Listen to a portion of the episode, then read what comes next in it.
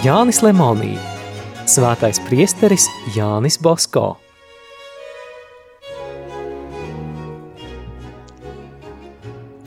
Bieži priesteris Bosko tika lūgts pastāstīt par tā saucamo sargātāju pedagoģisko sistēmu, pēc kuras vēl vienmēr darbojas salīdzjāņu iestādes. Arī viņš pats to vēlējās darīt, tikai laika trūkuma dēļ atlika līdz 1877. gadam. Tanī gadā priesteris Bosko sasauca pirmo vispārējo salīdzjāņu kongregācijas kapitulu, un sapulces dalībniekiem viņš bija nodrukājis salīdzjāņu iestāžu reglamentu. Ievadā viņš īsi paskaidroja, kas ir sargātāja audzināšanas sistēma. Tur izsacītās domas vajadzētu daudz plašāk izskaidrot citā, lielākā darbā, kuru Bosko gatavojās rakstīt. Neviens priestera Bosko pedagoģiskais raksts nav teorētisks. Viņš rakstīja vienīgi tādēļ, ka gribēja palīdzēt skolotājiem grūtajā audzināšanas darbā. Reglamenta ievads, kā jau sacījām, ir tikai domu konspekts.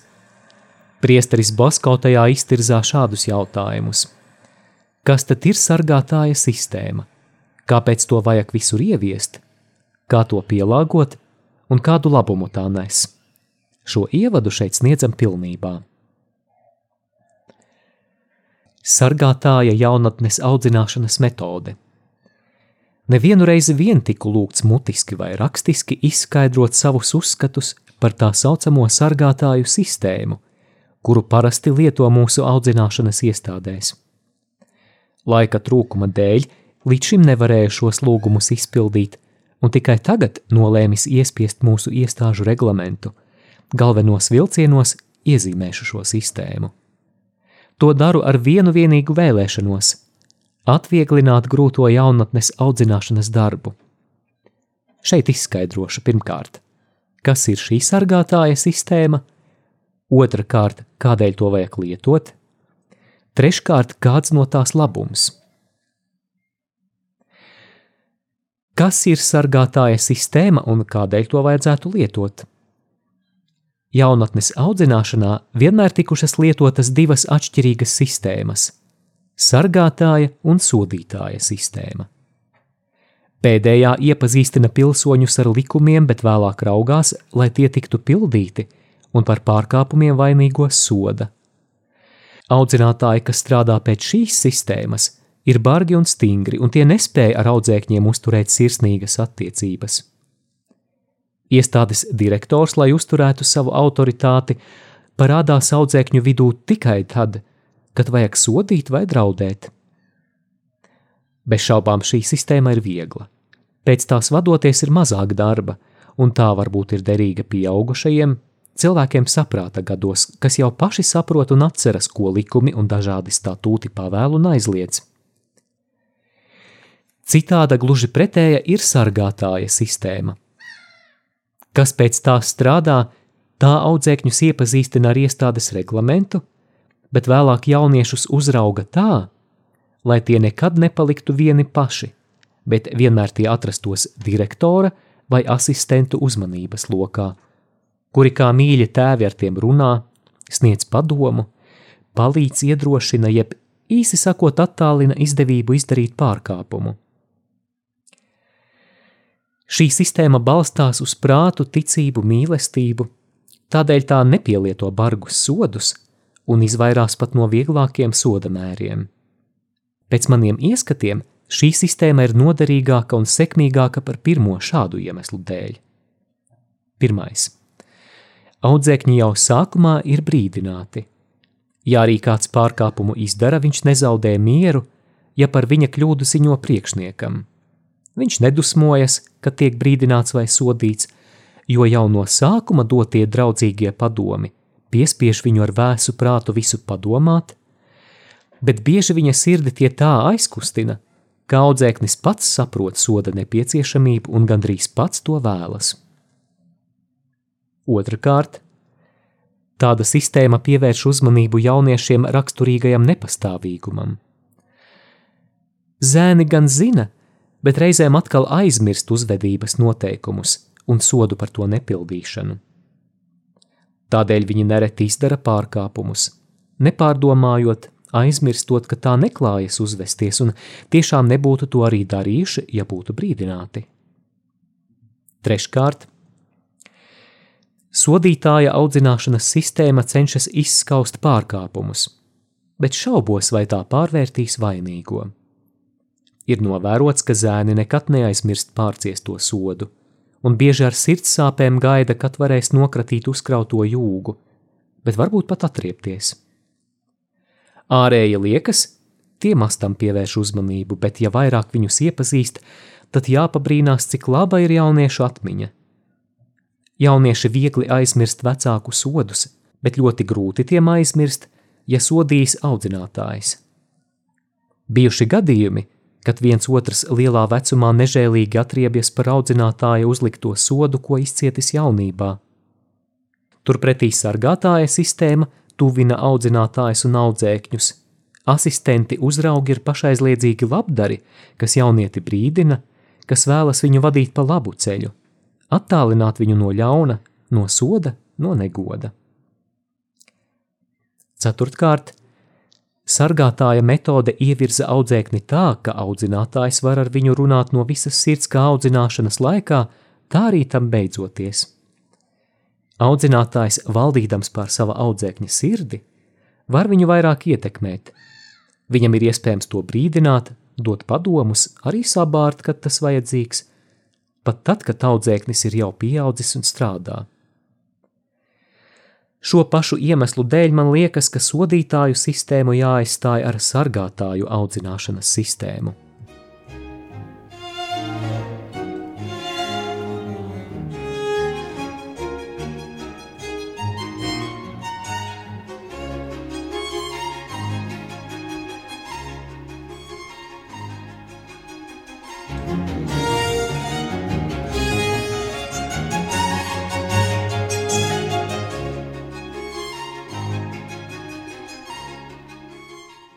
Sargātājas sistēmas lietošana.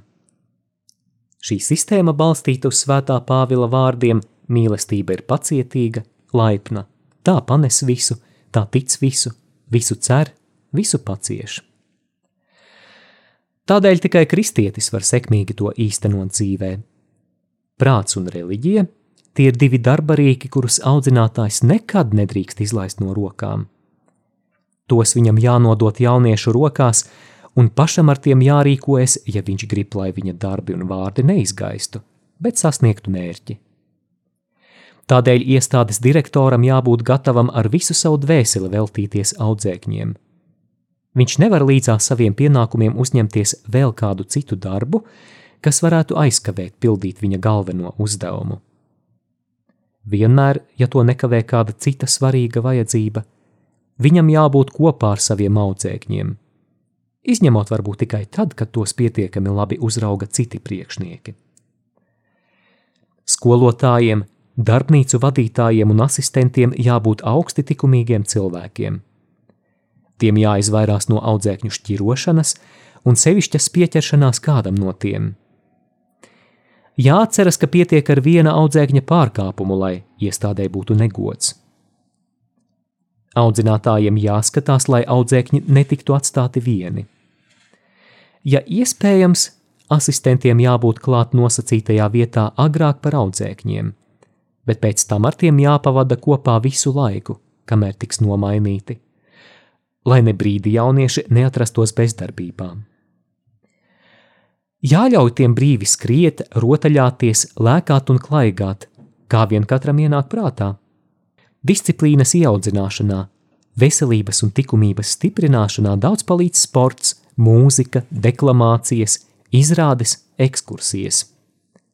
Tikai jāraugās, lai iestāžu un deklamāciju tēma, sabiedrība, sarunas nebūtu kaitīgas likumībai.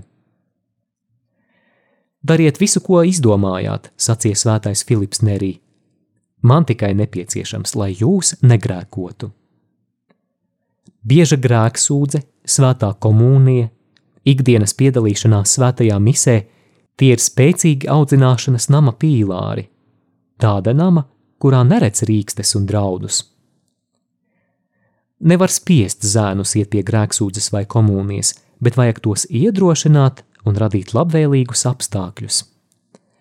bet rekolekciju, novennu, misiju, katehisma skaidrošanas pienākums ir izcelt, pierādīt, cik skaista, cik cildena un svēta ir reliģija, kura sniedz tik vieglus, derīgus līdzekļus sabiedrības audzināšanai, sirdsmieram un dvēseļu pestīšanai.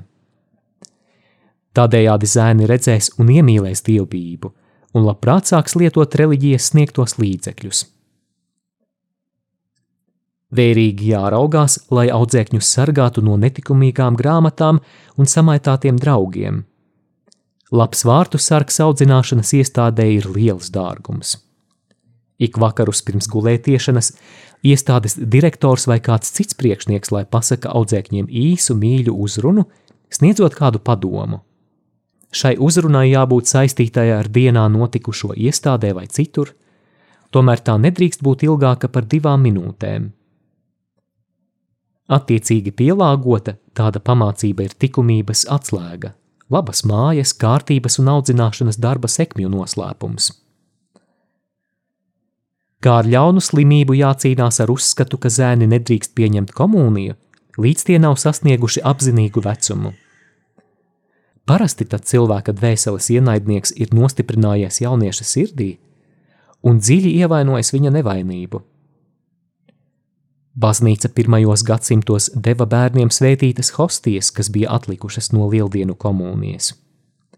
Tas rāda, ka svētā baznīca grib, lai bērniem ļautu pieņemt komuniju pēc iespējas agrāk.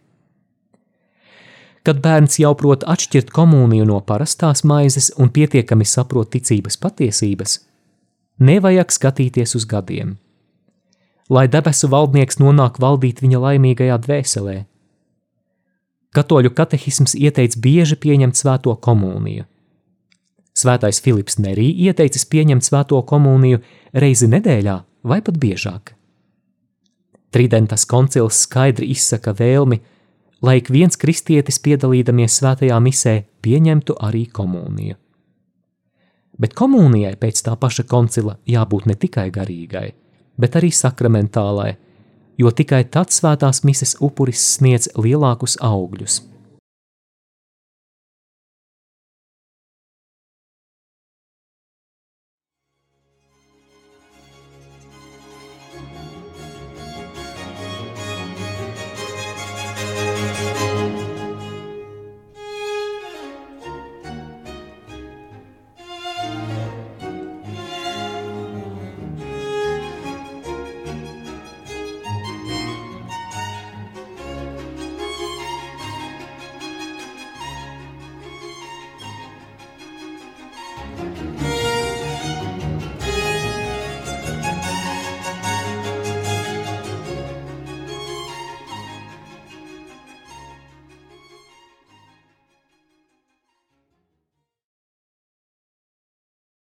Audzināšanas sistēmas labums.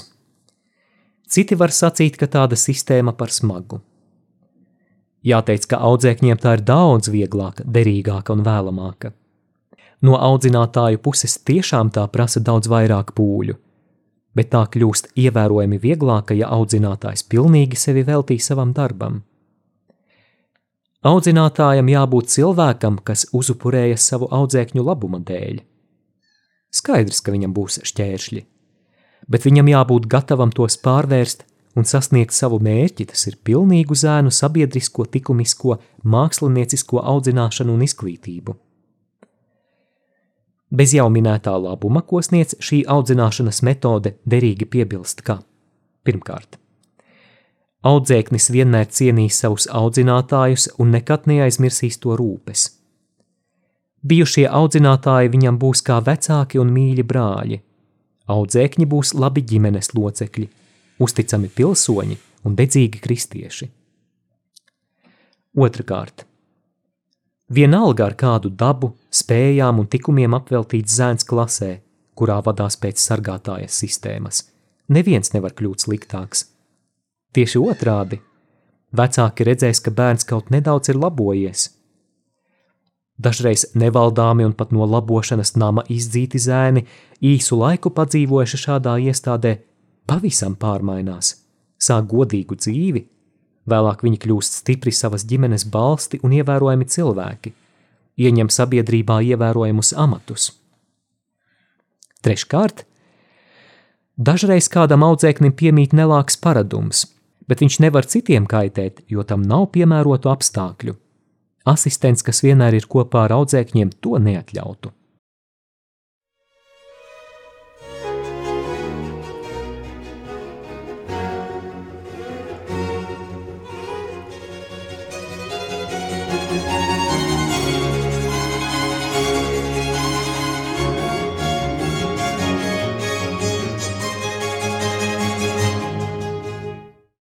Nedaudz par sodu. Kā sodīt? Kur var iztikt bez sodiem, nevajag nekad tos lietot. Kur tie nepieciešami, tur jāatceras. Ja audzinātājs grib, lai audzēkņi viņu paklausītu, tam jāizturas tā, lai bērni viņu iemīlētu. Tādēļ pietiekošs sots ir neapmierinātības izrādīšana. Tas zēnu ne tikai sodīs, bet pamudinās sacensties, dos drosmi un nekad viņu nepazemos. Bērniem sots ir tas, kas par sodu tiek lietots. Ir novērots, ka bargāks skats reizēm dažkārt veids vairāk nekā sišana. Uzslava par labu darbu, rājiens par nolaidību – tie ir vislabākie līdzekļi sodam un atlīdzībai. Izņemot retus gadījumus, sodus un pārmācību nav ieteicams lietot atklāti, bet tas jādara draugiem neredzot.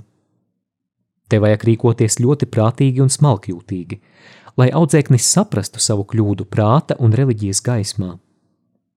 Sišana un stāvēšana uz ceļiem, ausu plēšana un citi līdzīgi sodi stingri aizliedzami ne tikai tādēļ, ka tie aizliegti ar likumu, bet atceroties to, ka tāda rīcība bērnu tikai sakaitina, bet audzinātāju pazemo. Iestādes direktoram akurāti jāizskaidro kārtības noteikumi, sodi un apbalvojumi. Lai audzēknis nevarētu aizbildināties, ka nav zinājis, kas aizliegts, kas atļauts. Ja mūsu iestādes strādās pēc šīs sistēmas, esmu pārliecināts, ka tās sasniegs labus rezultātus bez rīkstēm un citiem bargiem soda veidiem.